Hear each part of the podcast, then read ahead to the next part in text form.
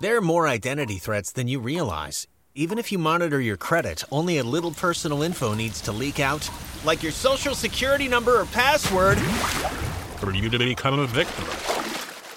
Lifelock alerts you to threats you could miss. If your identity is stolen, a dedicated US based restoration specialist will work to fix it. No one can prevent all identity theft or monitor all transactions, but everyone can save up to 25% off their first year. Go to lifelock.com/aware.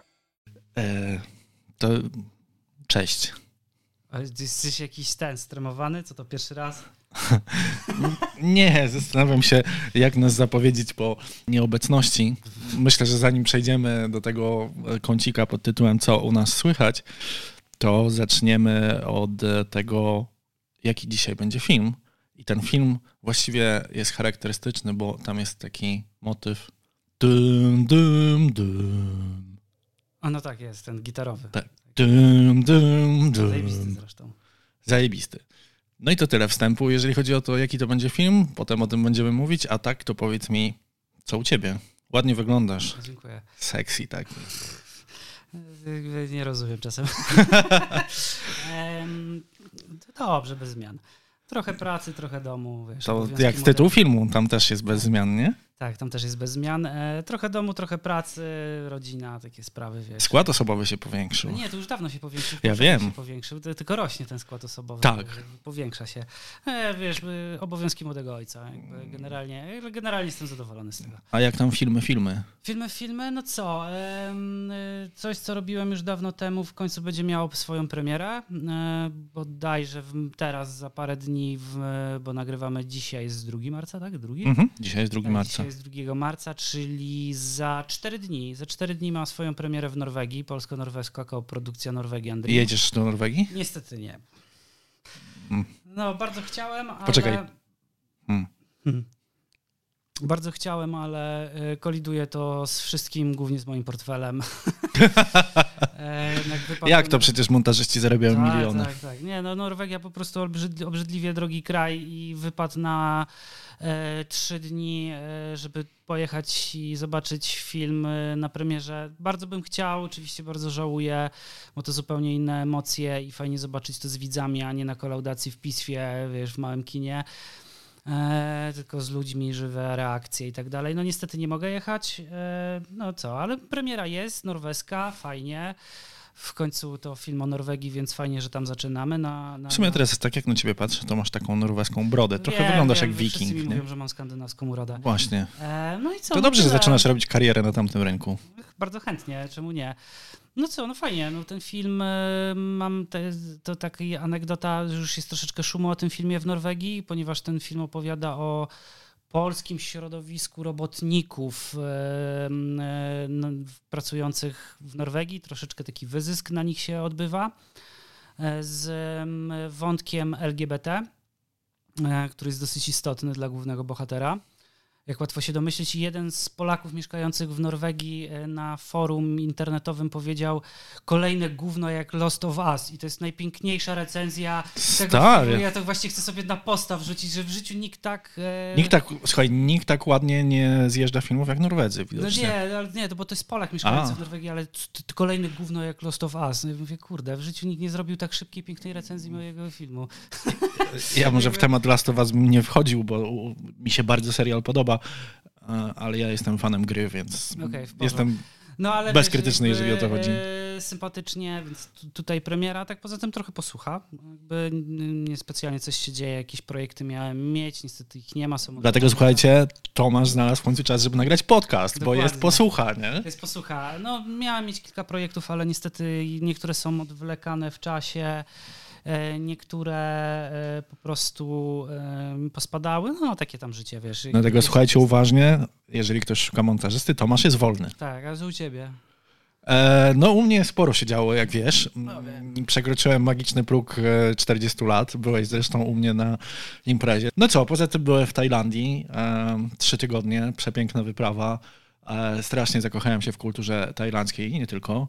E, zamierzam tam znowu polecieć w czerwcu z aparatem i e, trochę oddać się sw- swojej innej pasji, czyli robieniu zdjęć.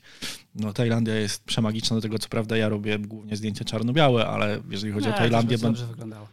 W nocnym Bangkoku na pewno, ale co do pejzaży, to jednak przejdę na kolor i postaram się.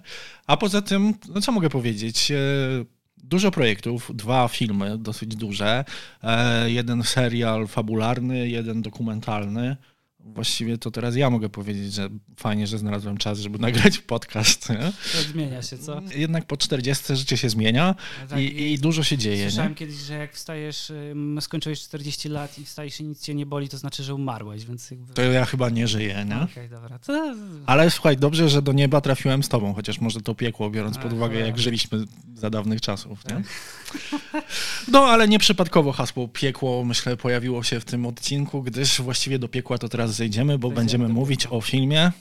Na zachodzie bez zmian.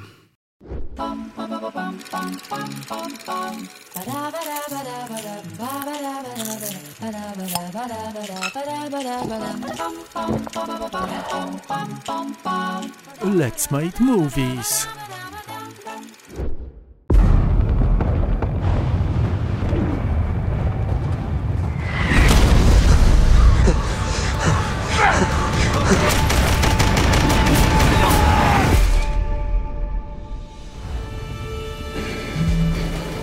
Sind jetzt an der Westfront.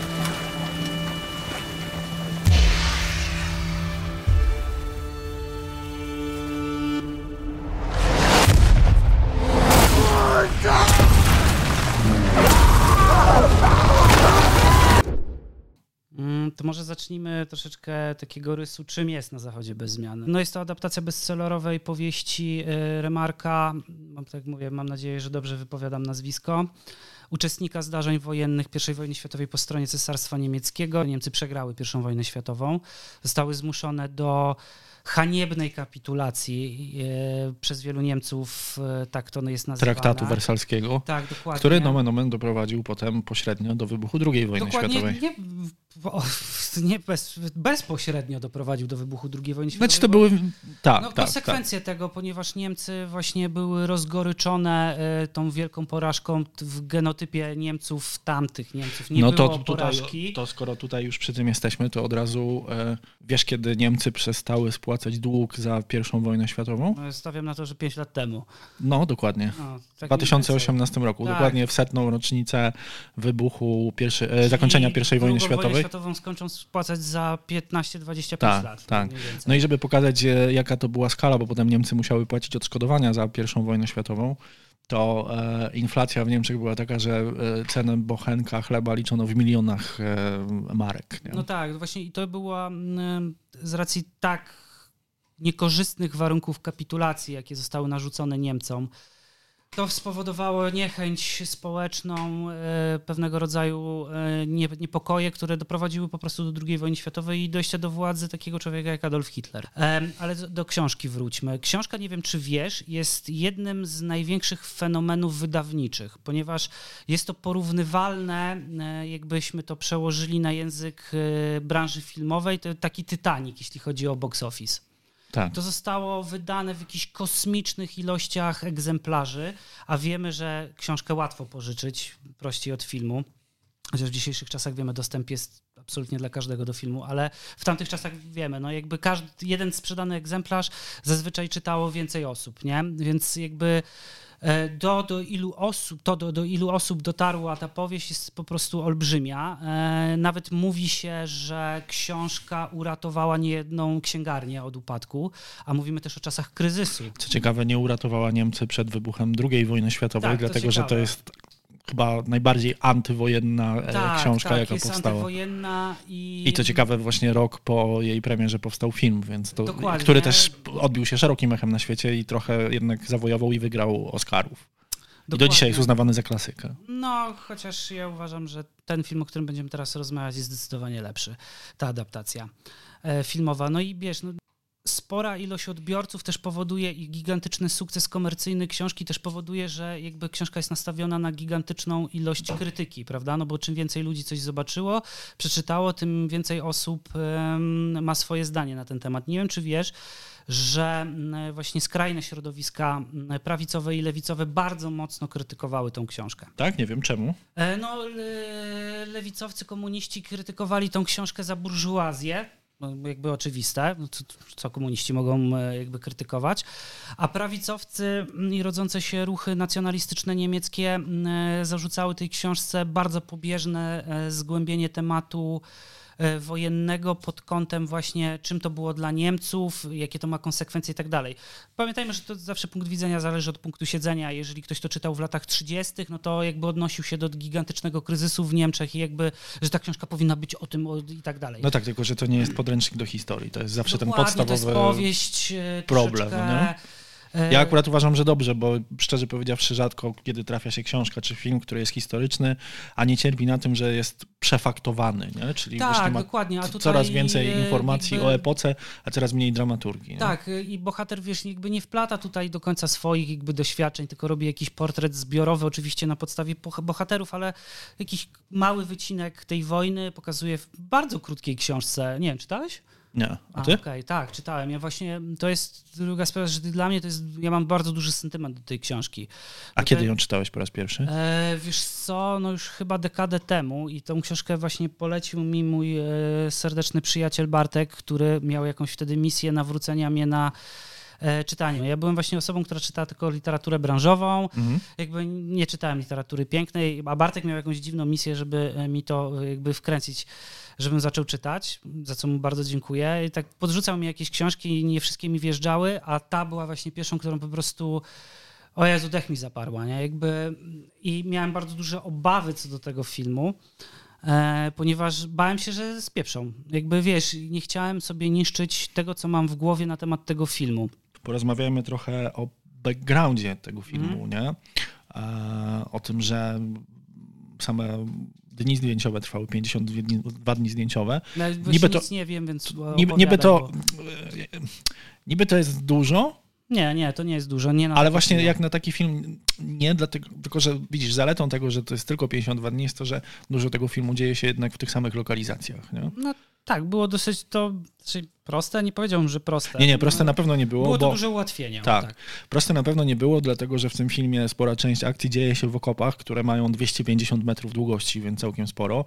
Natomiast cała ta przestrzeń zdjęciowa łącznie z polem bitwy miała wielkość gdzieś mniej więcej sześciu boisk piłkarskich, więc całkiem sporo. Sporo. I co też ciekawe, e, ja myślę, że w ogóle to jest gdzieś też jakaś nasza misja tego podcastu, żeby ludziom uświadomić, że jak idą na film do kina, który trwa dwie godziny, to przygotowanie tego filmu trwa bardzo, Lata. bardzo, bardzo długo. I to jest bardzo precyzyjna robota i pije do tego, że w tym filmie okopy zostały tak zbudowane, żeby mógł się operator poruszać z kamerą, czyli były trochę szersze to, niż w rzeczywistości, to jest jedna rzecz, ale druga rzecz jest taka, że dokładnie, ponieważ sporo część jednak tego filmu dzieje się, scen dzieje się w mastershotach, czyli w pojedynczych ujęciach, to dokładnie zmierzono sceny z operatorem na stoperze, ile te sceny trwają, żeby dokładnie zbudować te okopy tak, żeby można było w ramach tych scen je odpowiednio przejść w odpowiedniej dynamice. Nie? O, wow, nieźle. Więc, więc to wszystko, wiesz, zostało policzone. No, nie? tak. Pietyzm e, tego filmu, elementów zawartych w tym filmie jest niesamowity. Zacznijmy może. e, Dodam wiesz, też, że zdjęcia odbywały się w większości w Pradze, ale też w Niemczech i w Belgii. nie? Okej. No, e, scenografia obłędna. E, Tak. Kostiumy oddane co do jednego guzika. E, Charakteryzacja w ogóle też charakteryzacja niesamowita. Obłęd. E, Bo no, tam e, tworzono na potrzeby tego filmu bardzo, bardzo wiele e, sztucznych trupów, e, których jest tam bez liku, których jest tam bez liku. Tak. były potrzebne. No, więc... No a budżet był niewielki, bo tylko 20 milionów. Dokładnie, to chciałem powiedzieć, że to jest niesamowite, że ten film został zrobiony za tak małe pieniądze i zupełnie tego nie widać. Tak. Wiesz, jakby w Stanach Zjednoczonych za tyle to nikt by nawet nie chciał chyba... Za tyle to jest kino niskobudżetowe. Tak, i to takie bardzo niskobudżetowe, nie? 20 Tak. baniek. Znaczy na pewno nie film kostiumowy z epoki. No nie, nie, właśnie to, to, to, to jest niesamowite, że im się udało za takie pieniądze zrobić tak, tak dobrą rzecz, Tak. nie? Jakby tak oddającą e, klimat i miejsce i mm, e, epokę. Absolutnie brawo dla nich za to. Tak, to A prawda. wiesz, kiedy zaczęli zdjęcia? Bo ja tego nie wiem na przykład. Słuchaj, zaczęli je w okresie pandemicznym, to na pewno. Ja do końca nie znam miesiąca, ale jest fajna anegdota, bo e, słuchaj, castingi były przeprowadzane via Zoom. Do tego filmu. Okej. I e, jeden aktor, słuchaj, e, musiał odgrywać scenę bitewną w swojej sypialni. Wyobrażasz sobie po prostu, jaki to jest absurd, że gość udaje, że ma wirtualny karabin, którego nie ma, biega po pokoju i odgrywa, no bo w większości to jest film, w którym jest masa ruchu, nie? Masa Jednak. ruchu, tak. No, moje pytanie jest nie bez powodu, kiedy zaczęli zdjęcia, ponieważ patrząc na ten film nie da się nie mieć porównań z Ukrainą. nie? Oczywiście, o tym też porozmawiamy. Tak, i, i to No ale jest bardzo ważny film na ten moment. Tak. No ale to jest właśnie ciekawe, bo y, taka jest też trochę historia Oscarowa, może nie do końca zawsze w przypadku filmów fabularnych, ale dokumentalnych to już szczególnie, że zazwyczaj wygrywają te filmy, które mają coś wspólnego z obecną sytuacją. Tak było w przypadku wojny w Syrii, że Oscary zgarniały te filmy, które dotyczyły się właśnie wojny e, w Syrii. I tutaj jest taki przypadek, zresztą na Zachodzie bez zmian jest jakimś faworytem do, do, do głównej nagrody, czyli w kategorii najlepszy film, no bo jak mm, pokazuje historia nominacji, no to ten film nie dostał tylko nominacji w kategorii film e, obcojęzyczny, ale Tak. też w kategorii film główny, reżyser, scenariusz, e, Scenariusz, zdjęcia. charakteryzacja, Za zdjęcia muzyka, dostał, bo nie pamiętam. Scenografia, efekty specjalne, zdjęcia, To tak. dźwięk. I film międzynarodowy. Dziewięć nominacji, no stary, no coś dostanie. No jakby... I ja jestem prawie przekonany o tym, że jeżeli nie wygra w kategorii e, film międzynarodowy, znaczy jeżeli nie wygra głównej nagrody, To wygra film międzynarodowy. Absolutnie. Nie? Też mi się wydaje, że tutaj jest bezkonkurencyjny. Zresztą Tak. też e, BAFTY są takim prognostykiem tego, co się dzieje w Oscarach. tam skosił. No i, i, Baftów dostał aż 7. Najlepszy film, reżyseria. E, ale film nieanglojęzyczny czy film? nieanglojęzyczny- Nie, najlepszy film, A. reżyseria, film nieanglojęzyczny, scenariusz adaptacyjny, zdjęcia, muzyka i dźwięk. No Tak. stary, no, jakby- czyli wszystko. To jest w ogóle ciekawe, że początkowo do tego filmu w ogóle była e, brana pod uwagę ekipa realizacyjna e, amerykańska. No ale właśnie dobrze, że się skończyło, że, że jednak większość tej ekipy, o ile nie całość, jest tak naprawdę niemiecka. No bo tak Bardzo jak mówiłem, mówiłem wcześniej, to, to jest w ogóle ciekawe, bo przecież przez lata istniało pewnego rodzaju embargo na to, że Niemcy też nie mogli opowiedzieć historii e, wojny ze swojej perspektywy. No i dalej tego niespecjalnie robią, wiesz. Jakby No bo czują, czują się winni, a jednak to jest ciekawa perspektywa, bo historycznie mało ludzi o tym wie tak naprawdę. Nie? Dokładnie. I mm, wiesz, Zresztą to też pokazuje bezsens wojny, nie? Bo O jeżeli już, to jest y, w ogóle książka i film jest Tak. jakby mm, to jest definicja bezsensu wojny. Tak. Jakby, ja chciałbym opowiedzieć o tym, co, co, co mnie uderzyło, a mianowicie uderzył mnie e, prolog tego filmu, no i właściwie to, co się dzieje chwilę po napisach. E, Strasznie mnie uderzyła na początku ta perspektywa e, ciszy, lasu, zwierząt z, bo, z boskiej perspektywy. To chciałem, moje pytanie będzie za chwilę właśnie, ale opowiadaj, Tak. opowiadaj. Tu też pokazują się właśnie te dobre zdjęcia od samego początku i to też jest zasługa wieloformatowych kamer 65 mm. E, Właściwie była jedna... ka- 75. 65, 65. tak, 65 mm. Co za format. No okej. No, 65. E, Co ciekawe, w większości była tylko jedna kamera, ponieważ operator uznał, że mamy jednego głównego bohatera i chcemy być tak blisko niego cały czas, to musimy się skupiać, to trochę przekładamy to na to, żeby, żeby funkcjonowała tylko jedna kamera. I to jest niesamowite, nie? Bo, bo jakby w takich przypadkach tak wielkich filmów, no to one są ograne z miliona perspektyw Tak, na, no, na, Amerykanie na, na, właśnie na dlatego wiele nie kamer. zrobiliby tego za 20 baniek, bo by już na same kamery by zabrakło. Tak, ja pamiętam, mm, to rozmawiałem kiedyś, z, jest taki montażysta Chris Lebenson, Mhm. E, on współpracował ze świętej pamięci Tonym Scottem, bratem Ridleya, który był e, no, jednym z lepszych reżyserów kina akcji. I on z kolei miał takie sceny, w których e, kręcił daną scenę na 16 kamer, typu, No, tak, tak. typu ale to była rozmowa na przykład, nie? z No, filmu Szpieg Scott, z e, e, Bradem Pittem.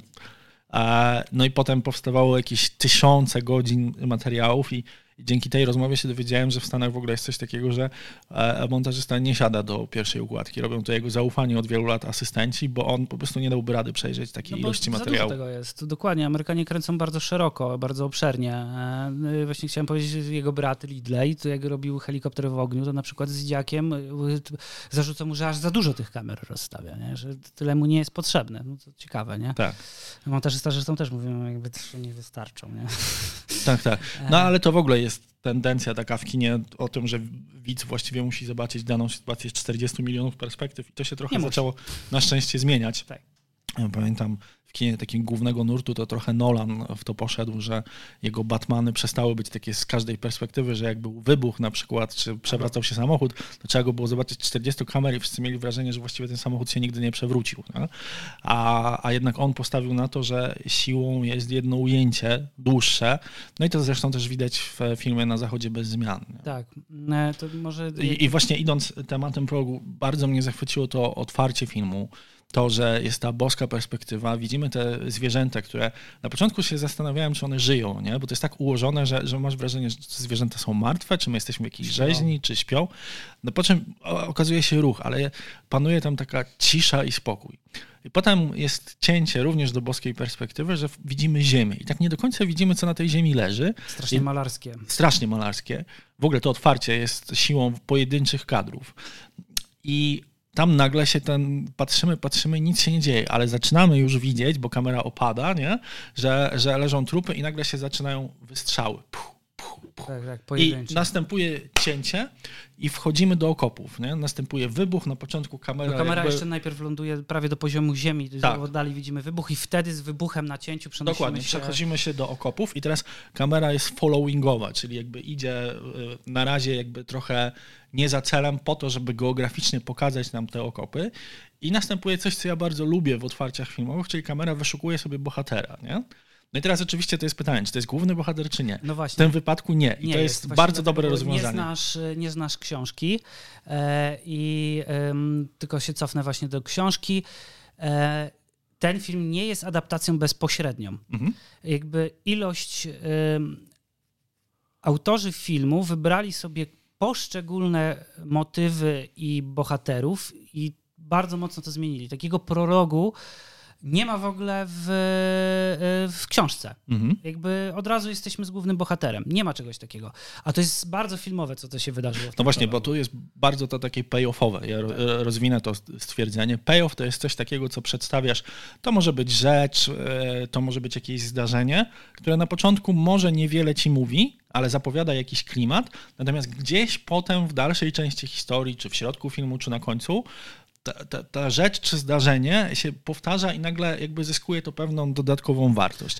I teraz jakby ciekawe jest to, że e, wrócąc, wracając do tego prologu, że kamera nagle znajduje swojego bohatera o imieniu Heinrich. Tak, ja ci powiem, że ja w tym momencie zastopowałem film i tak czy ja aż tak źle pamiętam książkę? Przecież Aha. nie tak nazywał się główny bohater. Tak. I to była fajna dla mnie zmyła i od tego momentu jakby o, jestem bardzo zaciekawiony. No właśnie.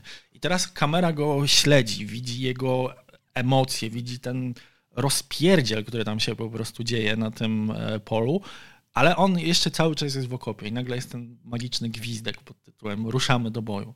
No i kamera śledzi jego emocje przez bardzo długi czas bez cięcia. Tam jest w ogóle jedno cięcie, które trochę przybliża perspektywę, żeby ona się stała mniej ogólna, żebyśmy bardziej zobaczyli już emocje bohatera, który jest w takiej maligmie, nie? że on jakby jest tu obecny, nieobecny, boi się, no, no, no, całe spektrum jest po prostu tego strachu. W, tak naprawdę w dość krótkim czasie. Jakby Bardzo krótkim, bo to, bo to chyba trwa jakiś... Znaczy, scenicznie, w sensie filmowo to jest niby długie ujęcie, tak. ale jakby w kontekście całego filmu to jest naprawdę tak, ułamek. Tak. Nie? I... No i e, zgadnij w ogóle, ile było dubli tego ujęcia. No nie wiem, pięć?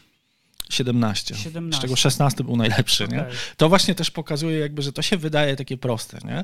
No ale teraz rozbierzmy to na czynniki pierwsze. Ile tam się dzieje, ile statystów pada, przecież to, to nie jest spontaniczne. Oni mają zaznaczone, w których miejscach mają paść. Przecież tam są wybuchy, w którym miejscu to ma no być tak, wybuch i tak dalej. I teraz, tak, i teraz wyobraź sobie, śmieszne, ale to jest bardzo ważne. że ty się cofasz i ty to wszystko powtarzasz. Plus, no jeszcze jak ludzie przecież upadają w błocie, no to bardziej brudzą na przykład, wiesz, mundury i tak dalej, czy brudzą twarz, potem to wszystko trzeba odpowiedzieć odpowiednio jakby wrócić do pewnego stanu, który się zamierza i lecimy od początku. Nie? I teraz jest tam tak, fajny... zwany reset na planie, co tak. jakby przy krótkich rzeczach jest dość prosty, a to właśnie wyobraźmy sobie, ile tu jest elementów do zresetowania, żeby nagrać tą scenę od nowa. 17 dubli. Nie? 17 dubli, wybuchy, choreografia, no tak będzie tam tak. z 200 statystów biegnie. Nie? No, ale, ale, też wyobraź sobie szwankiera, który lata z ciężką kamerą no, tak. i ma przebiec 17 razy. Precyzyjnie, żeby tak. nie wpaść pod wybuch, tak. wszystko, nie? Gdzie, gdzie wiecie, to się tak wydaje, no ale e, sama rzecz pod tytułem synchronizowanie biegu operatora z biegiem aktora, którego się pokazuje, to musi być jakby ta, ta, ta sama To szybkość. już jest to już jest tysiąc razy sporo, do nie? wywalenia się, dokładnie. Dokładnie. A dorzucając do tego elementy właśnie Tak. militarne, wybuchów, e, walki, choreografii walki, e, światła, e, efektów, no, no kosmos. Tak. No i teraz co się dzieje? Mamy tak, że Heinrich pada, rozgląda się, nie, nie, nie- jest przerażony, wstaje do walki, biegnie i uderza, zderza się z Francuzem i następuje mocne cięcie w ciszę, nie? I my nie wiemy, czy ten bohater żyje, czy nie żyje, co się stało. Ta historia się urywa, ale powoduje to, że jesteś zaciekawiony, nie? Co się dzieje. I nagle znowu jesteś w boskiej perspektywie, może nie aż tak wysokiej, ale jednak kamera jest z góry i widzisz stos ciał. I ja nie rozpoznałem, czy Heinrich tam jest, czy nie. Być może można to rozpoznać. Ja przyznam się szczerze, nie wywnioskowałem tego z tego ujęcia, więc nadal gdzieś mi funkcjonowało, a okej, ale to y, co, co, co, się dzieje z tym, z, tym, z tym naszym bohaterem, nie? No i to ujęcie w ogóle, które jest z tej borskiej perspektywy i patrzę na to, ja miałem wrażenie, jakbym trafił do rzeźni, to jest jedna rzecz, a druga rzecz jest taka, że to jest znowu ta, coś, co ja lubię w e, montażu, czyli pewnego rodzaju repetycje, bo to jest repetycja znowu tych zwierząt, które leżą. Zresztą te, te trupy są tak ułożone mniej więcej jak te zwierzęta. Nie? No i potem e, następuje taka rzecz jak mm, branie tych zwłok i zdejmowanie z nich mundurów. Nie? I powiem ci szczerze, że to są takie przypadki, e, w których e, przedmiot tak mocno po prostu oddziałuje emocjonalnie, że ja, no powiem ci, mną to wstrząsnęło. Jak trupa rozbiera się jakby z, z tego munduru, potem ten mundur trafia, Ale trafia cała ta sekwencja Tak. zasługuje na To jest- brawa to, to, jest jedna z najlepszych sekwencji otwierających, wprowadzających w historię, która jeszcze zresztą ma swój payoff na samym końcu filmu. E, widzimy potem w totalnym planie trumny zasypywane wapnem, żeby ciała się jak najszybciej rozłożyły. Natomiast co się dzieje z ubraniami? Ciała są traktowane w ogóle jak przedmioty, natomiast ubrania, którymi są przedmiotami, są traktowane z najwyższym szacunkiem. Dlaczego? Bo, bo ich to- jest mało. Bo ich jest mało.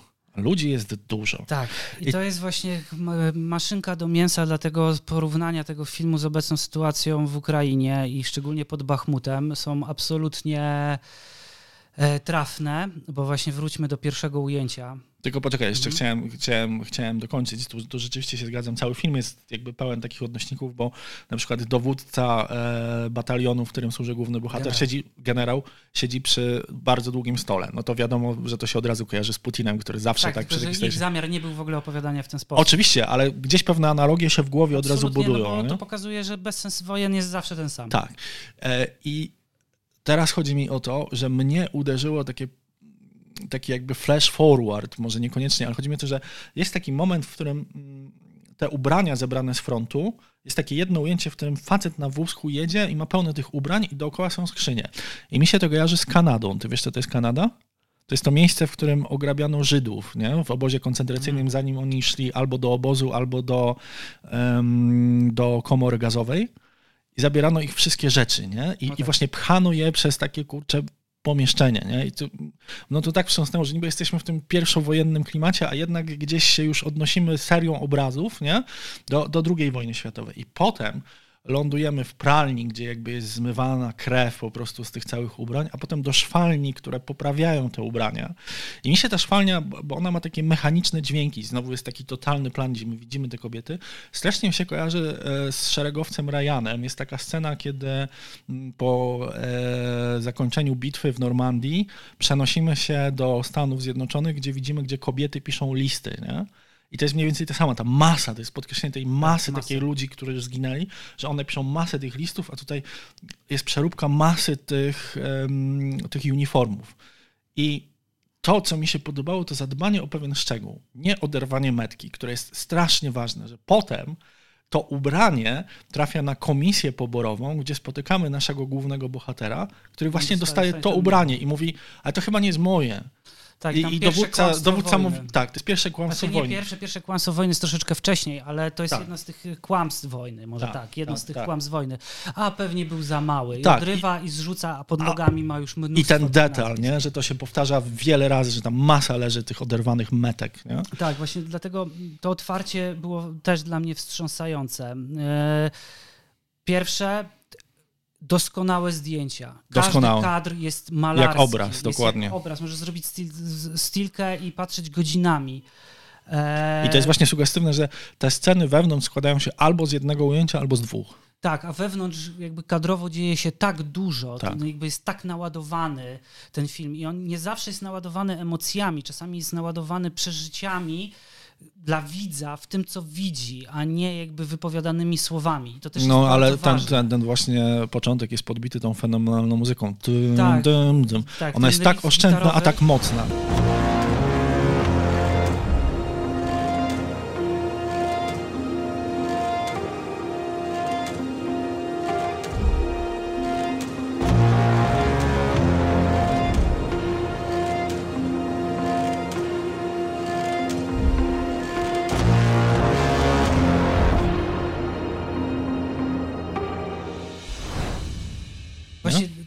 Pierwszy szok, jeden z pierwszych szoków oglądając ten film, że jakby wybrano na motyw muzykę jakby oderwaną od epoki, że to jest riff gitarowy, ele, gitary elektrycznej, który przeradza się później razem z maszynami w werble wojenne, takie wiesz, klasycznej orkiestry wojskowej.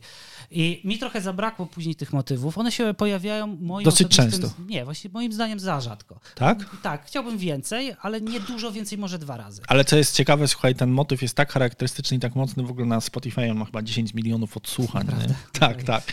E, że e, słuchałem, przygotowując się do odcinka wywiadu z kompozytorem, który mówi o tym, że no to dla niego ten film stanowi wyzwanie i między innymi jest tutaj dużo takich muzyków, e, takich elementów muzycznych bardzo klasycznych. Ja mówię, kurczę, ale gdzie?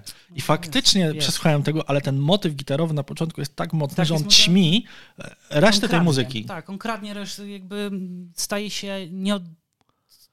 nieoderwalnym elementem tego filmu. Tak, że potem jest muzyka, ty jej w ogóle nie wbija, słyszysz, nie? Ale tam jest dużo muzyki klasycznej. Tak, jest, tak. jest, jest. E, no i wiesz, tak, te, to otwarcie, ten e, prolog e, absolutnie genialnie nakręcony, fantastycznie rytmicznie zmontowany, bo on właśnie pokazuje taką maszynowość. Jakby, Tak. Jakbyśmy pewnie wrzucili na timeline, to jestem prawie gotów się założyć, że wiele z tych ujęć ma podobną, Podobną długość. długość, nie? Żeby tworzyć taki rytm, takiej maszynowości. Tak, ale mówimy oczywiście o tej sekwencji po e, napisach, po po napisach, początkowych. Tak, po, napisie, po napisie początkowym. I one, wiesz, te ujęcia są, tak jak mówiłem, bardzo symboliczne, bo ta Kanada z jednej strony, ale z drugiej strony, jak przechodzimy do szkoły, w której jest główny bohater, to jest jedno krótkie ujęcie pustych ławek i w tle już słyszymy propagandową przemowę i od razu ty stary czujesz jedną rzecz, że to jest młodzież, którym, ludzie, którym jakby ukradziono mło, e, dzieciństwo, tak, nie? Ukradziono młodość. stracone pokolenie, nie? Jak każde pokolenie wojenne jest nazywane straconym pokoleniem.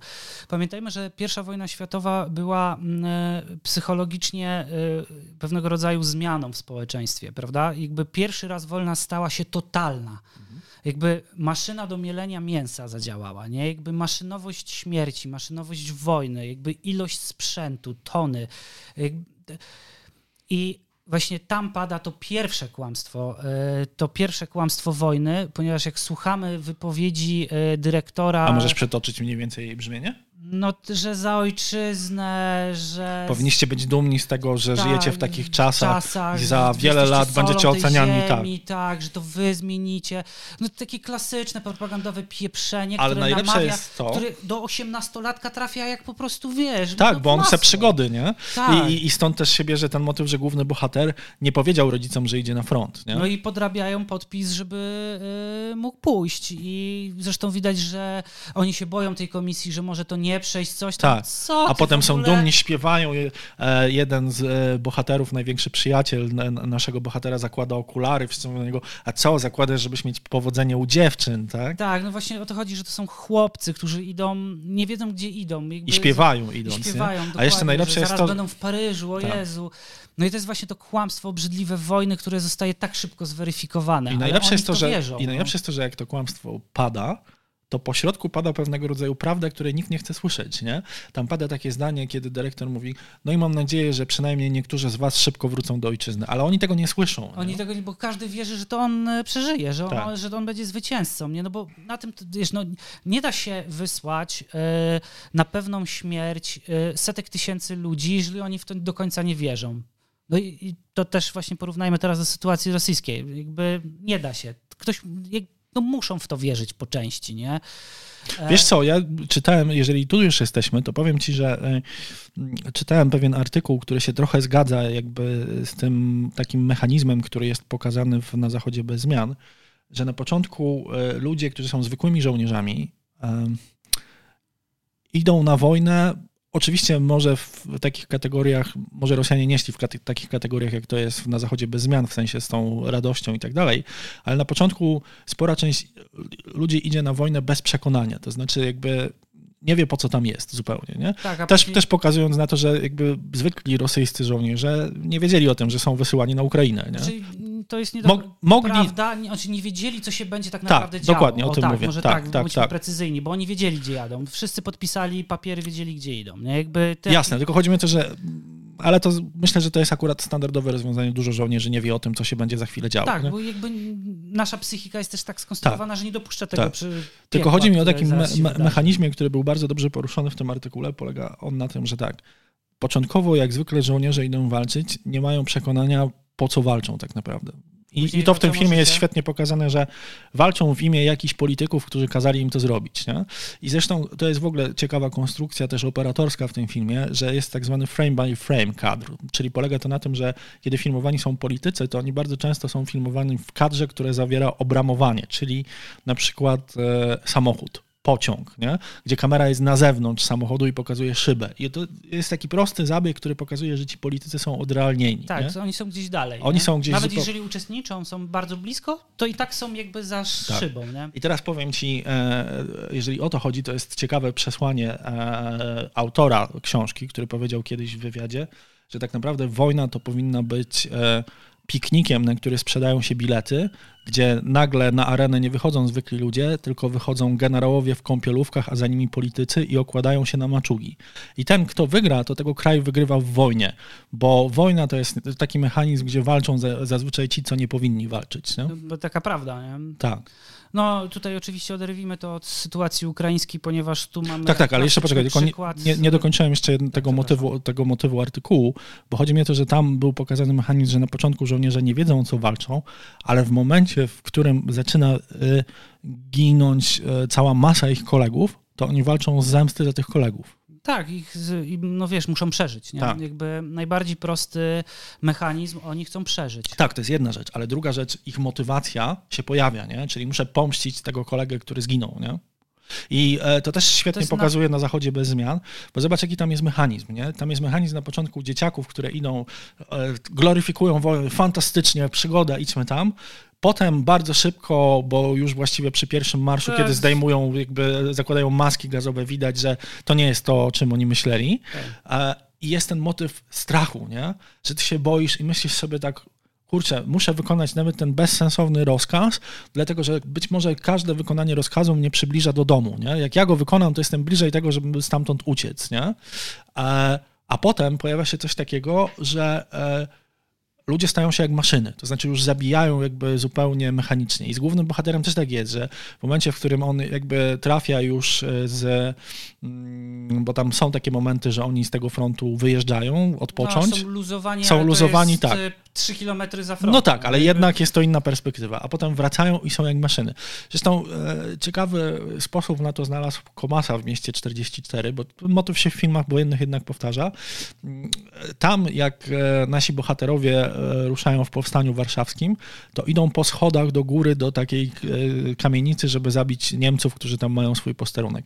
I widać, że oni nie potrafią posługiwać się bronią, że idą tacy, haha, fajnie, będzie jakaś rozruba, nie? Idą zupełnie jak dzieci, ale się tym przejmują. Pierwszy trup jest dla nich po prostu szokiem, nie? A potem gdzieś w trzech czwartych filmu jest powtórzona taka scena, kiedy bohater idzie dokładnie po tych samych schodach, kamera pracuje tak samo i on już zabija po prostu jak Terminator, nie? No tak, no bo już wojna szybko wchodzi tam w krew, nie? Z w większości. Ci, którym nie weszło, to zazwyczaj giną pierwsi, nie? Tak, Jakby- tak, tak. No tak, nasi bohaterowie zaraz y, po trafieniu na front, a trafiają bardzo szybko, no od razu zostaje z nich odarta niewinność. Jakby trafiają do tej maszynki, która jest bezlitosna, która nie odróżnia, kto jest młody, kto jest stary. Traktuje Bo bardzo szybko ginie bardzo właśnie ten przyjaciel Tak, e, od głównego bohatera i zobacz, co się dzieje. To jest tak szybko, że on nawet nie ma czasu przeżyć żałoby. Nie istnieje tak, coś nie, no, takiego. Nie, ma, no jakby kolejny dzień i do przodu, nie? Tak, tak. I zresztą to dobrze działa właśnie ta metafora zwierząt, bo, ale to jest trochę przewrotne, bo z jednej strony to pokazuje, że ludzie stają się jak zwierzęta i w ogóle ten motyw jest bardzo mocno zaznaczony w filmie, dlatego że kiedy nasz bohater pierwszy raz pojawia się w okopach i poznaje Kaczyńskiego, pamiętasz dialog, który on mówi?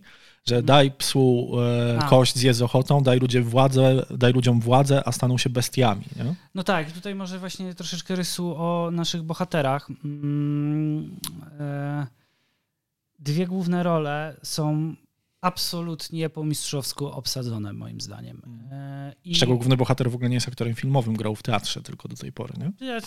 Sposób realizacji tego filmu chyba mu pomógł, jakby, tak. żeby się odnalazł. Mm. I e, Paul e, absolutnie genialnie obsadzony, a Kaczyński jeszcze lepiej. Jakby Kaczyński mnie rozwalił. W książce jego postać, to jakby jest, tutaj jest dosyć wiernie to oddane. To jest taki on jest opiekunem tego e, statka tej młodzieży, która trafia. Jest dla nich mentorem. Młody, a doświadczony. Tak, no, on jest trochę starszy od nich, ale mm, e, to jest prosty e, człowiek z taką niesamowitą, prostą mądrością. Jakby, jak on coś powie, to jest, to, to jest ważne. Nie? A szczędzi słowa. Tak, i, i, a jest jeszcze dla nich opiekunem, mentorem.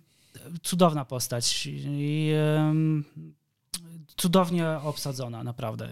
Tutaj muszę, trzeba oddać, że jakby oglądając ten film masz takie poczucie, że tam nie ma e, instagramowych aktorów, że tak to nazwę. Wiesz, tak. chodzi mi o coś takiego, że ten casting był bardzo rzetelny pod. Chociaż właśnie to Kaczyński miał casting z bieganiem po, e, tak, to on? tak, po sypialni.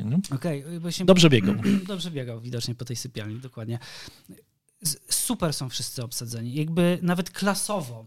Ale wiesz, bo, bo, bo zobacz, bo tutaj działa coś takiego, mm, że oczywiście casting to jest jedna rzecz, ale druga rzecz, filmy wojenne e, i to na przykład też miał szeregowca Ryana, e, szeregowiec Ryan to miał, mają obozy treningowe i to zazwyczaj wielomiesięczne przed rozpoczęciem zdjęć. I to zazwyczaj jest okres jakichś sześciu miesięcy, nie?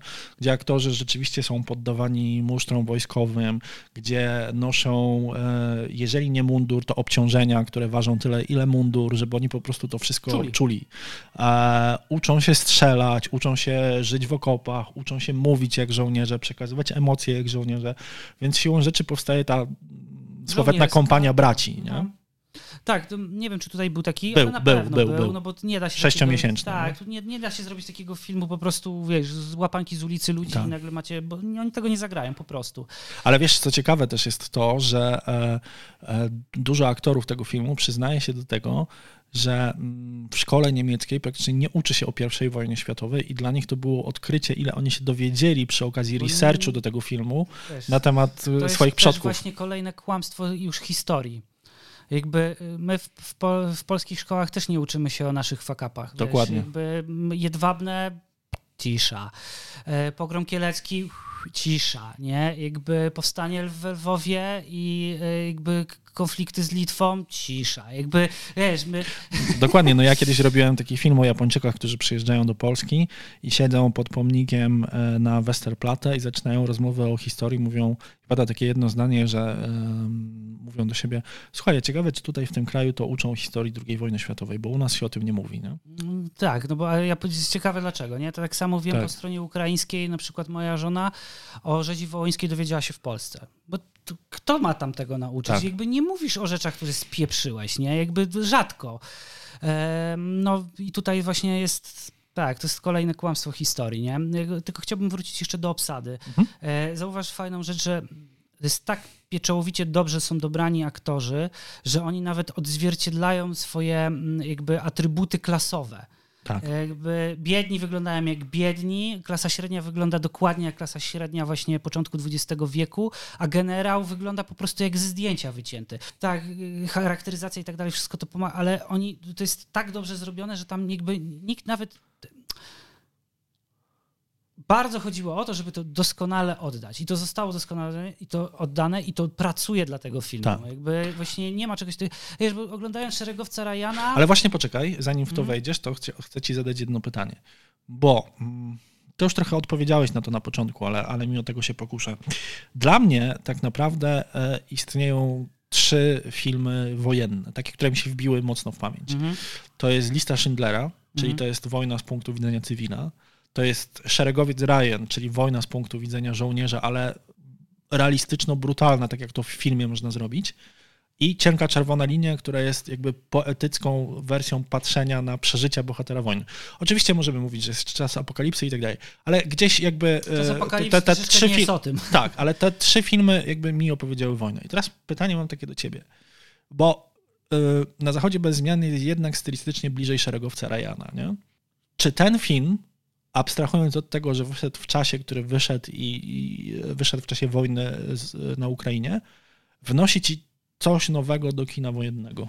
E, Nie szczególnie, ponieważ kino wojenne zostało tak obszernie opowiedziane przez lata, że tak naprawdę już wszystko troszeczkę zostało powiedziane. Właśnie fajne dwie rzeczy powiedziałeś i ja się z nimi absolutnie zgadzam, bo dla mnie na Zachodzie bez zmian jest pewnego rodzaju połączeniem dwóch sposobów opowiadania o wojnie. To jest Terensa Malika Czerwona Linia. Dobrze? Terence Malik, tak? Tak, cienka czerwona linia. Cienka czerwona linia, którą właśnie bardzo lubię za tą poetykę. E, I ona, jakby widać ją bardzo mocno w, na Zachodzie bez zmian. I szeregowca Rajana. E, Tu może trzeba też powiedzieć, jak już jesteśmy przy szeregowcu Rajanie, m, pewnie doskonale wiesz, na podstawie czyich fotografii inspirowali się tworząc e, szeregowca Tak, Rajana. ale nazwiska nie pamiętam. Tak, ale... wybitny fotograf wojenny, Tak. jego najsłynniejsze zdjęcie to jest śmierć e, hiszpańskiego partyzanta. Tak, tak. On zresztą był w Normandii. no, Tak, i zdjęcia. e, jego zdjęcia zostały spieprzone podczas wywoływania, Tak. ponieważ e, zostało tylko kilka kadrów, które są My w ogóle doskonale- mieliśmy o tym całą lekcję na dokumencie tak, w szkole tak, filmowej. I em, Kappa. A, Frank Kappa, Frank tak, tak. Dokładnie. Lidia Zon nam pokazywała dokument Tak, o Franku doskonałe. Kappie. Właśnie zobaczcie sobie jego zdjęcia, to zobaczycie kadry z szeregowca Ryana. Tak. I to jest właśnie chodziło o to, że jakby y, Spielberg z Kamińskim oddali idealnie e, to, jak wyglądało to z punktu widzenia właśnie tego reportera. Tak naprawdę to jest POV każdego żołnierza. Jakby to tak wygląda. Tak. I tu w, na Zachodzie bez Jan mamy dokładnie bardzo podobne zabiegi stylistyczne, czyli praca kamery, co prawda za pleców, ale oddaje ruchem, jakby właśnie choreografią, wszystkim to, to okrucieństwo i ten ogrom wojny i ten chaos, który się dzieje. Ale z drugiej strony właśnie mamy takie sceny, w których e, jesteśmy bardzo mocno poetycko osadzeni w tym miejscu z tymi bohaterami i to jest właśnie taka, taka czer- cienka czerwona linia. I moim zdaniem ten film fajnie wypełnia tą lukę pomiędzy tymi dwoma filmami. I ja bym właśnie w moim e, rankingu e, właśnie... Po środku. Tak, że jest szeregowiec Ryan, Cienka Czerwona Linia i na zachodzie bez zmian w tym momencie. Mhm. I oczywiście za podium, bo troszeczkę to jest film inny, ląduje lista Schindlera. Mam Tak. bardzo podobną listę, ale właśnie zmieniłbym Tak, tak, ale to tak, tylko właśnie mówię, że to są inne perspektywy patrzenia na wojnę, Tak. że to, to jest perspektywa nie żołnierza, nie? Tak. Lista Schindlera. Mm, I tutaj właśnie troszeczkę o fabule też, wróćmy do fabuły filmu Na Zachodzie bez zmian w kontekście książki. Ona została na tyle mocno zmieniona, e, że e, nie ma kilku bardzo istotnych motywów, które są w książce. Tutaj wszystko zostało wrzucone tylko i wyłącznie w okopy wojenne. Tam się dzieje i nigdzie się nie wychodzi, a główny bohater w książce jechał na przepustkę i to był bardzo, bardzo ważny element. Tutaj ta przepustka jest zamieniona tym luzowaniem na lekkie, bliskie tyły frontu i tam się rozgrywają pewnego rodzaju rzeczy. Tylko chciałbym do ciebie, e, ci zadać teraz ja pytanie. Dobra? E, czy uważasz, że ten film ma skomplikowaną fabułę, w sensie taką dla bohaterów? Czy oni mają jakieś, wiesz, w Szeregowiec Ryan to fabuła jest, na- nawet możemy powiedzieć, delikatnie przekombinowana. Pół wojsk, czyli tam oddział wojska musi iść uratować jednego. Z wiesz, punktu bo- widzenia propagandowego uważam, że to nie jest przekombinowane. Ale okej, spoko, tylko wiesz, jakby tak fabularnie to tak. No wiesz, jakby wy, wymyślone to jest nieźle, nie? W sensie, że ta fabuła jest skomplikowana. Czy na zachodzie... Znaczy, no, ja wiem, czy jest skomplikowana. W szeregowcu Ryanie, mówmy, bo to jest... Tak, tak. Nie, nie, ja akurat nie miałem takiego odczucia. Okej, ale t- trochę jest. Tak, Znaczy na pewno, na pewno w odróż... inaczej. Na pewno jest inna w odróżnieniu do e, pozostałych filmów wojennych, nie? które jakby zazwyczaj sprowadzały się do tego, że e, nie ma aż tak osobowej misji. Nie? Tak. No bo Ale- tutaj jednak, e, tu w Szeregowcu Rejanie, co stanowił siłę moim zdaniem tego filmu, to jest to, że opowiadamy o śmierci milionów przez pryzmat jednego konkretnego bohatera, który trzeba, Z którym wiesz... się łatwiej jesteś... No tak. Poza tym podoba mi się ten dylemat e, z bohaterem granym przez Toma Hanksa, że my długo nie wiemy, kim on jest, Potem się okazuje, że on był nauczycielem i to pokazuje, jak strasznie się zezwierzęcił na, na, na froncie. A potem mówi o tym, że e, właściwie on e, ratuje szeregowca Ryana z swojej prywatnej motywacji, to znaczy dzięki temu, że go uratuje, być może dostanie bilet do domu i będzie w stanie spojrzeć w oczy żonie jako człowiek. Tak, a teraz właśnie, a na Zachodzie bez zmian, czy ta fabuła dla bohaterów jest jakaś skomplikowana? Nie, dlatego że mam Nie, wrażenie, że to, jest, że to jest właściwie dosyć dokumentalny obraz ze zwierzęcenia bohaterów i właściwie Oni o to chodzi, żeby to pokazać. skomplikowanej fabuły do przeżycia. Oni nie, nie, Tak. nie, nie mają jakichś, wiesz, oczywiście motywacja powrotu do domu, która oczywiście jest tam w bardzo fajny sposób pokazana, że oni tak naprawdę nigdy nie wrócą z tej wojny. Bo to E, jest w ogóle ciekawe, bo nawet ci, bo oni, to, nasi bohaterowie nie, nie, nie wrócili do domu, taka jest prawda, aczkolwiek, co jest ciekawe, scenariuszowo ten zabieg wysyłania ich na przepustki, ale jednak nie do domu, czyli tak jak jest no, w książce, powoduje, że oni ciągle dostają tą marchewkę, nie? że oni są tak blisko, a jednak tak daleko. Nie? I co jest ciekawe, nasi bohaterowie właściwie giną przez przypadek, nie? dlatego że Kaczyński jakby e, zostaje zastrzelony przez małego chłopca, który nagle pojawił się tam jakby z bronią i to już jest tuż, kiedy ludzie wiedzą o tym, że za chwilę będzie no tak, rozejm, zabrakło paru godzin a e, główny bohater ginie w dlatego, ostatniej że, minucie. w ostatniej minucie, że musi sprostać rozkazowi wydanemu przez dowódcę o cechach narcystycznych, który mówi wprost. Ja zostałem wychowany przez ojca, który był wielkim dowódcą i wygrał wiele bitew, a ja urodziłem się za późno, podczas złej wojny tak naprawdę. Tak, nie? i on nie wygrywa tej wojny. On nie wygrywa tej wojny, ale I łamie- wy pójdziecie tak, ale pomimo tego, że wie, że nastąpi rozejm, to celowo wysyła swoich ludzi po to, żeby sprostać swoim minucie. wymaganiom, bo być może będzie to ta bitwa, którą on wygra i będzie, zapisze się w historii. Tak. I trzeba oddać honorowi. Z ostatnim gwizdkiem o 11 wszyscy rzucają broń. Ale to jest właśnie Niestety- niesamowite. Ty wiesz w ogóle, co to był rozejm bożonarodzeniowy? Oczywiście, że tak. Nieformalny rozejm na froncie. Żołnierze e, dogadali się między sobą, że w Boże Narodzenie e, nie będzie żadnych działań wojennych i spędzili razem Wigilię. Tak, i to jest na tyle abstrakcyjne, że chwilę przed e, wyznaczonym sygnałem razem się zabijali. Niemcy z Francuzami, Tak. Brytyjczykami i z Amerykanami. Tak, i że Niemcy i Francuzi na chwilę zawiesili broń, żeby wyjść z okopów, zaśpiewać razem, zjeść razem, ubrać nawet choinkę, bo są zdjęcia, że ubierają choinkę, a chwilę potem znowu wrócić i się mordować. I to, ja uważam, że e, to nie jest odkrywcze, ale jednak siła pokazania tego w na Zachodzie bez zmian polega właśnie na tym etapie takim, takich chwilowych przełączeń pomiędzy byciem człowiekiem, a byciem zwierzęciem. Jak zabicie Francuza i zabranie jego listów i chęć odesłania ich do żony. Tak, i pomimo tego, że główny bohater dziurawi nożem tego Francuza, to, e, Później go chce to uratować. potem go chce uratować, opatrzeć, chociaż to jest zupełnie jakby Bez niemożliwe, bez sensu. Ale co jest ciekawe, to pokazuje ten mechanizm, że to można zrobić, że to, to, to człowieczeństwo się zapala w sytuacji, w której on nie biegnie z masą, bo jak biegnie z masą, jest jej trybikiem Tak. i, i, i takie ludzkie odruchy biegnąc na tym polu frontowym są niemożliwe. A on to robi tylko dlatego, że się zorientował będąc w leju, odosobniony po prostu od tego całego Jest tylko on i jego ofiara. Jest tylko on i jego ofiara. I budzi się to tak, człowieczeństwo. budzi się człowieczeństwo. po to, żeby znowu umrzeć, kiedy dostaje rozkaz i idzie i znowu jak maszyna Na- zabija na- ludzi. Nie? Najbardziej niefartownie, bo w ostatniej sekundzie wojny. Nie? Tak. To jest obrzydliwe. Ale... Tuż przed gwizdkiem, Tak, tuż ale to jest niesamowicie pokazane, że do jednej zamkniętej przestrzeni wpada dwóch żołnierzy po obu stronach barykady i oni nie wiedzą, co zrobić, bo wiedzą, że za chwilę będzie ten rozejm. No, ale- Zabić się, nie zabić i nagle z tyłu ktoś tak. bohaterowi naszemu wkłada sztylet w plecy, nie? Tak, w okolicach serca i Tak. koniec. I koniec. E, I znowu zobacz, jest ta perspektywa, bo e, że znowu zabiorą mu to ubranie i znowu dadzą innym, nie? No, I znowu ktoś. Z, z, wiesz, ale to jest taka przenośnia, No nie? że tak, na oczywiście. następną wojnę, która być może będzie, ktoś zabierze jego mundur i da innym po prostu, nie? Tak, i teraz tylko dalej wracając do fabuły. W książce nie ma żadnych pertraktacji. W książce e, jesteśmy tylko z bohaterami. Tu film jest wzbogacony o bardzo potężny ładunek, o bardzo potężną linię fabularną negocjacji pokojowych. No i jak ty to oceniasz? broni.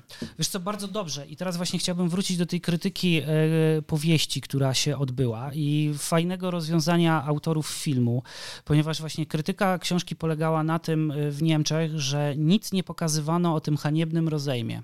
Nie, nie, nie zgłębiano tematu jakby tego zaplecza e, całego geopolitycznego, który jest tam w tle. Tu dostali, dostajemy dodatkową informację, dlaczego Niemcy muszą się już poddać Tak. i chcą to zrobić w jakikolwiek logiczny sposób, żeby przestali ginąć ich obywatele. Tak. Co jest oczywiście zestawione z tym pięknym zdaniem Kaczyńskiego, kiedy odkrywają cały pług zagazowany, który Kaczyński mówi, Niemcy za chwilę będą puste.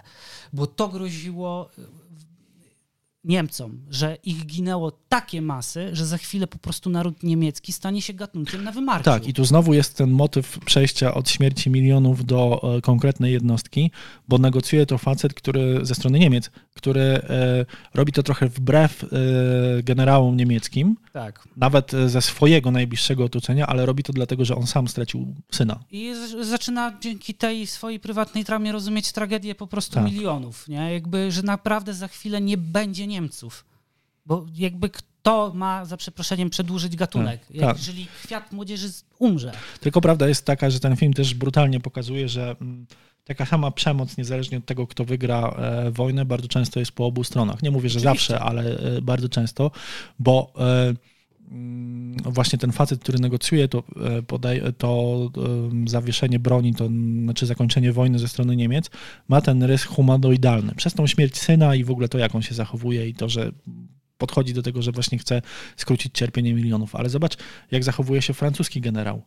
E, Kiedy on mówi, kiedy nasz niemiecki bohater mówi, niech pan podpisze to, żebyśmy mogli zakończyć śmierć milionów ludzi. On mu daje długopis. To podpisuj. Podpiszy, to podpisuj, ale na moich warunkach, bo jak nie na moich, to w ogóle. Nie? Tak, no bo, i, bo to właśnie... I to pokazuje To- jeszcze bardziej dobitnie, że życie ludzkie w ogóle się nie liczy. Tak, nie? to, to jest to, dlaczego Niemcy tak bardzo, e, to była dla nich tak gorzka pigułka i dlaczego właśnie e, autor książki był krytykowany przez skrajną prawicę niemiecką, że w ogóle o tym nie mówi. Tu oni właśnie troszeczkę oddali e, tego, tej krytyki, jakby w filmie zawierając te elementy właśnie spoza okopów. I bardzo dobrze moim zdaniem, bo super, że to nie jest adaptacja bezpośrednia. Dla mnie osobiście e, ja się bardzo cieszę, bo jakby mam duży sentyment do książki i nie chciałem, żeby spieprzyli kolejnego filmu na ten temat. E, bo ta adaptacja z lat 70. jest okropna. A tu jest super, bo tak naprawdę dostaję trochę tej książki, dostaję tej powieści, ale dostaję ją wzbogaconą w wersji filmowej o dodatkowe elementy, które w dzisiejszych czasach są właśnie bardzo potrzebne, żebyśmy też troszeczkę rozumieli, bo Filmy wojenne to tak troszeczkę taka e, rozrywka, powiedzmy sobie, z dużą ilością testosteronu, że oglądasz facetów strzelających się. No, Rzadko- Zależy jakie filmy. Oczywiście. Być może Black Hawk Down rzeczywiście. no? Tak, a tutaj właśnie w, z racji A to ma bardziej emocjonalny pierwowzoru, tak, to musiało być bardzo emocjonalne, ale zostało właśnie wzbogacone o te dodatkowe elementy geopolityczne, które są bardzo istotne, żeby też rozumieć jakby skalę. Tak, ale to właśnie pokazuje to, o czym mówiłem, że ci dowódcy są tak oderwani od rzeczywistości. I e, stąd e, jest właśnie ten ciekawy komentarz, o którym mówiłem, że autor uważa, że tak naprawdę dowódcy i politycy powinni walczyć między sobą. Nie? No, to prawda.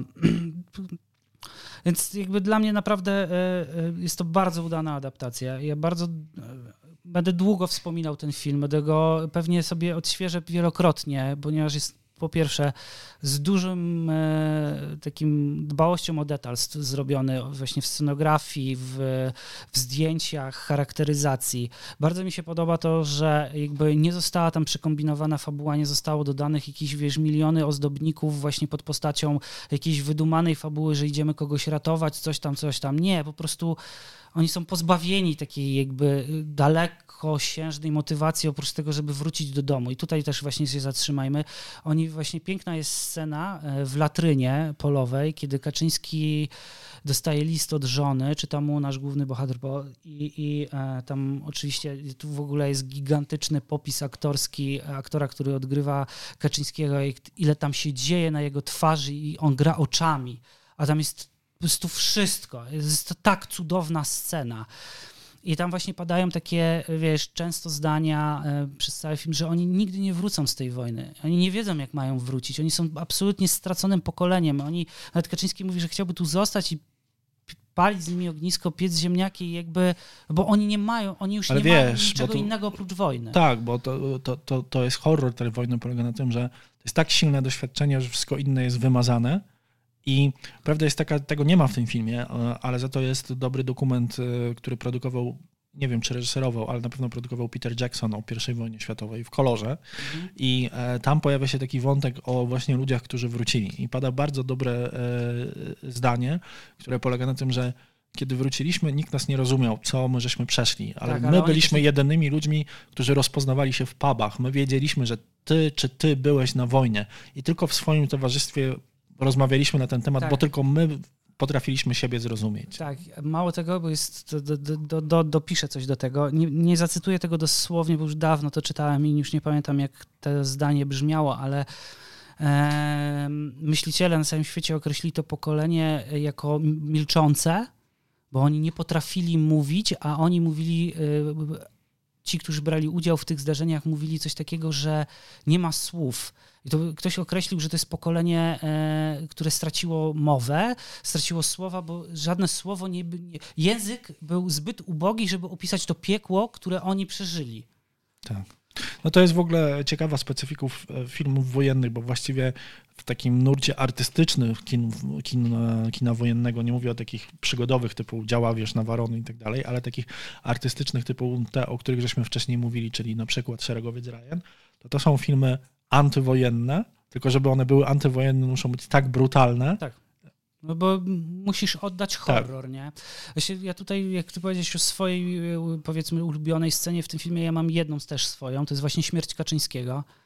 E, bardzo mi się podobała ta scena pod właśnie też względem montażowym. Nie wiem, czy ją dobrze pamiętasz.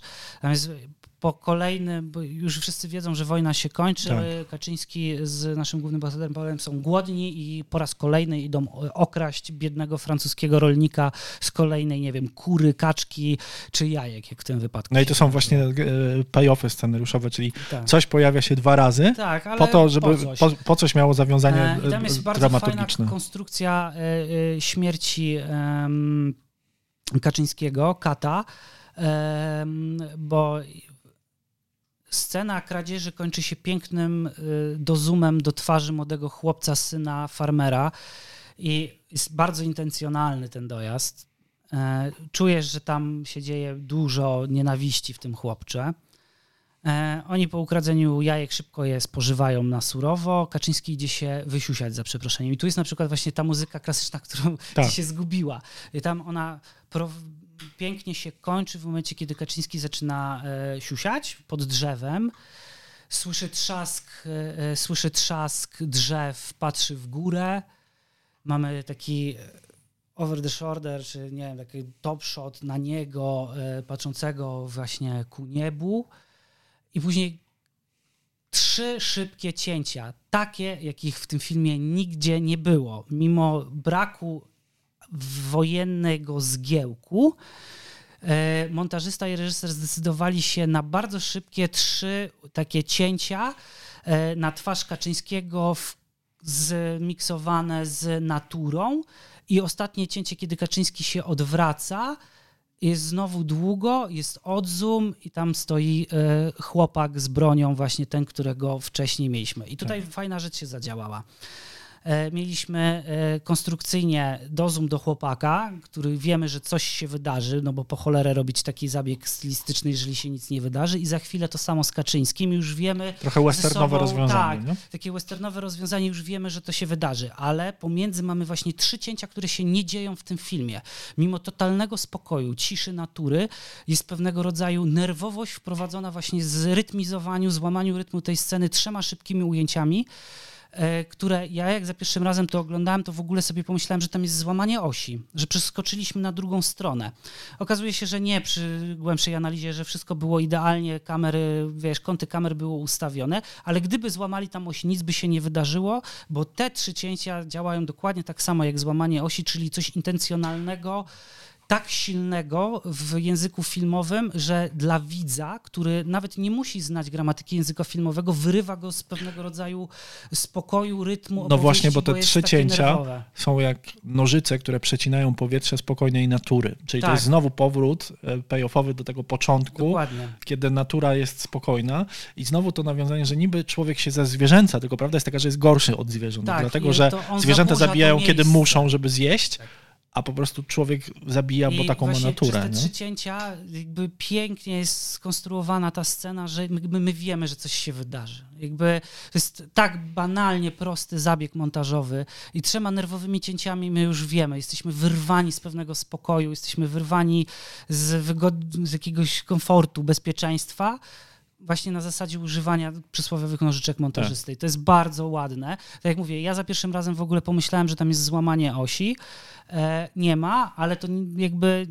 Wytłumaczmy, czym jest złamanie Oś, osi. oś, no proste, jakbyśmy to nas teraz kręcili i to... To kamery muszą stać po tej samej po tej stronie. samej stronie, żeby nie łamać naszej osi Tak. kontaktu wzroku, bo Żebyśmy mieli wrażenie, że ty miejscami. rozmawiasz ze mną, to a, a nie ty rozmawiasz y, Tak, sam ze sobą. taką na lekcję zrobimy, nie? pokażemy o co chodzi. Jakby Tak. To jest banał, to jest gramatyka języka filmowego, co nie znaczy, że nie można... Ale na pewno zobaczycie różnicę, bo to Tak, czuć. zapewne zobaczycie Aczkolwiek to różnicę. też jest uznawane e, czasami jako środek stylistyczny. Dokładnie, bo to właśnie może być środek stylistyczny, musi musi być użyty jakby świadomie, nie przez przypadek, bo wtedy jest błędem, jest właśnie zgrzytem. No i mi się te trzy cięcia cholernie w tym filmie spodobały. Nie? Jakby naprawdę y, widać, y, że dużo, dużo było tam rozkminy. Znaczy na pewno ten film jest warty zobaczenia z tym, bo a, e, o, sugestywność obrazów jest tak silna, e, nie wiem, mnie jeszcze cały czas przychodzi do głowy ta scena, w której oni zdobyli kwaterę wroga i nagle widzą, że jest jedzenie i zaczynają to jeść, nie?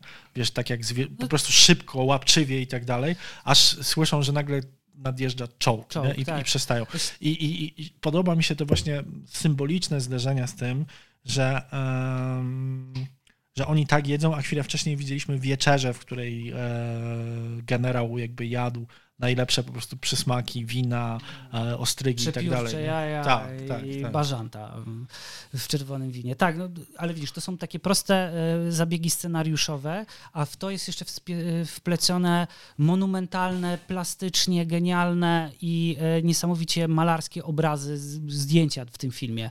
I to wszystko ze sobą tworzy taką właśnie obraz epickiego dzieła. Takiej, a jak opowiadać o epickiej wojnie, jak nie w sposób epicki? No, jakby, I to mi się podoba, że naprawdę bez szczególnie skomplikowanej fabuły zostało naprawdę dużo takiego e, klimatu wewnętrznego bohaterów oddanego i dodatkowo tam kolosalną maszynę e, wojenna, ta kolosalna maszyna wojenna też została tutaj dość dobrze Tak. oddana. Nie? Znaczy ja będę szczery, dla mnie to nie jest jakiś wybitny film, natomiast rzeczywiście działa to, że powstał w takich, a nie innych czasach. Tak, to Czyli- jest bardzo istotne właśnie też z, z punktu widzenia dzisiejszej geopolityki, że pewnie ten film bez wojny ukraińsko-rosyjskiej nie byłby tak odbierany i jego sukces komercyjny jest podyktowany tym, to Tak. pamiętajmy o tym, bo tak jak powiedziałem na początku, to Czy też pierwszych- prestiżowo-nagrodowy też jest tym tak, podyktowany. to pierwsze ujęcie, ten top shot na to pole bitwy, które nie wiemy co to jest, bo jest jakąś mozaiką e, Bóg wie czego, ziemi, ciał, krwi, okopów, wszystkiego. Błota. I jak śledzisz wojnę ukraińską i widzisz zdjęcia lotnicze z na przykład okolic Bachmutu, to to jest dokładnie to samo. Tak, w tak. jeden do jeden. I to jest niesamowite. I każdy, kto trochę wie o wojnie e, w Donbasie, bo teraz tylko tam się toczy e, praktycznie, i, i porównuje to ze sobą, no to wiesz, analogia się po prostu sama. Oczywiście, ale ja myślę, że też siłą tego filmu jest e, jedna rzecz, o której mało kto mówi, i to też jest trochę nawiązanie do Ukrainy, że e, druga wojna światowa to jednak była wojna, która się rozlała po kontynentach, ale też w ramach danych państw toczyła się w różnych miastach. Natomiast specyfiką I wojny światowej na froncie zachodnim było to, że to było Na walka. zachodnim. Tak, że to była walka o 3 km ziemi i gdzie oni przez lata nie posunęli się ani o milimetr. okres. I to trochę przypomina Bachmut, to Tak, co się to teraz dzieje. Bachmut, nie? Że, Dokładnie, bo zresztą bardzo mocno jest porównywany Bachmut do I wojny światowej, Tak. że to jest wojna okopowa, wojna pozycyjna, wojna na wyniszczenie. Dokładnie, ale chodzi mi o to, że e, co myślisz, czym jest wojna? Wojna jest o to, bardzo często i głównie po to, żeby poszerzyć swoje terytoria. A tu się okazuje, że oni walczą o nic, bo nie tak, zdobywają żadnego terytorium. światowej nie? nie zdobywają niczego. Tak. W Bachmucie oczywiście wiemy, też niespecjalnie zdobywa się przestrzeni, tylko jakby pamiętajmy, że to są dwie różne rzeczy, też trzeba troszeczkę zawsze szerzej patrzeć właśnie Jasne. na tą geopolitykę, bo w przypadku wojny ukraińskiej mamy do czynienia bezpośrednio z ofiarą gwałtu i gwałcicielem, który po prostu najeżdża bezlitośnie kraj. Eee, a tu też właśnie w, na zachodzie bez zmian ten element jest taki, że my jesteśmy z kamerą po stronie właśnie oprawcy tak. Bo to Niemcy tak naprawdę Tak, ale są to pokazuje, tak, ale to właśnie pokazuje ten cały bezsens, o którym tutaj Tak, cały czas tłuczemy, właśnie że jest pokazany właśnie przez, moim zdaniem to właśnie działa najlepiej, kiedy ty pokazujesz ten bezsens od drugiej strony, bo jak jesteś po stronie ofiar, po stronie dobra, tak w cudzysłowie, tak samo wiesz, jak szeregowca Ryana, to jesteś po tej dobrej stronie Tak. barykady, to troszeczkę inaczej oglądasz ten film. No pewnie. nie?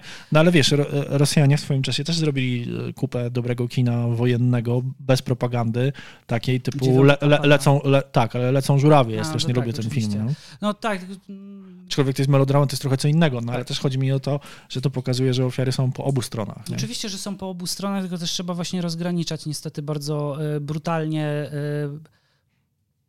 powody, dla których się walczy. Oczywiście. Tego, tego jak najbardziej nie neguję. Nie? Tak, No dobrze, no to słuchaj, mam, myślę, że wyczerpaliśmy temat. A wydaje się, że tak. Byliśmy w piekle. Byliśmy Teraz, w piekle. teraz e, następny odcinek za chwilę będziemy nagrywać. Nie powiem o czym, ale mam takie A, wrażenie. ja mam taki pomysł. No. Stwórzmy skalę Let's Make Movies. Jest na Filmwebie skala, e, INDB skala, to teraz Ale my- mamy w. e, Od 1 do e, 10. Ale nie, że 7,63 i tak dalej. No nie, dawajmy pełnymi liczbami. Chociaż nie, no jak potrzebujesz ułamków, to dawaj ułamki, no. Na zachodzie bez zmian 6,9. 6,9. Tak. E, dla mnie 8,2. Okej. 8,2, powyżej 8 na pewno, bo to naprawdę kawał dobrego filmu. Tak jak mówię, y, zobaczę za 10 lat, kiedy y, wojna ukraińska się zakończy. Ja też nie jestem obiektywny z wielu powodów y, co do wojny ukraińskiej i jakby przeżywam to w zupełnie inny sposób niż przeciętny obywatel. E, I dlatego ten film też odbierałem zupełnie inaczej. I dlatego chcę go zobaczyć za wiele lat, kiedy cała historia się skończy. Zobaczę, jak odbiorę i pewnie zmienię swoją ocenę, ale na dzień dzisiejszy, ale ja nie muszę być obiektywny.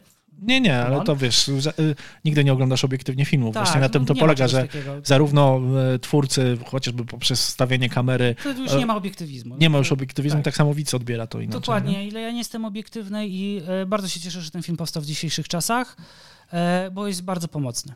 Po prostu. Zgadzam się. I tym optymistycznym akcentem kończymy wejście, bycie w jednym piekle, żeby za chwilę przejść do drugiego. Dokładnie tak. Dzięki. Before Sarah discovered ChumbaCasino.com, she enjoyed chamomile tea Come on, big jackpot. and being in PJs by six. Let's go. The new fun Sarah Woohoo! often thinks about the old boring Sarah Yes. and wonders if that Sarah ever really existed. Chumba Casino has over 100 casino style games. So join today and play for free for your chance to redeem some serious prizes. No purchase necessary. Void where prohibited by law. 18 plus. Terms and conditions apply. See website for details.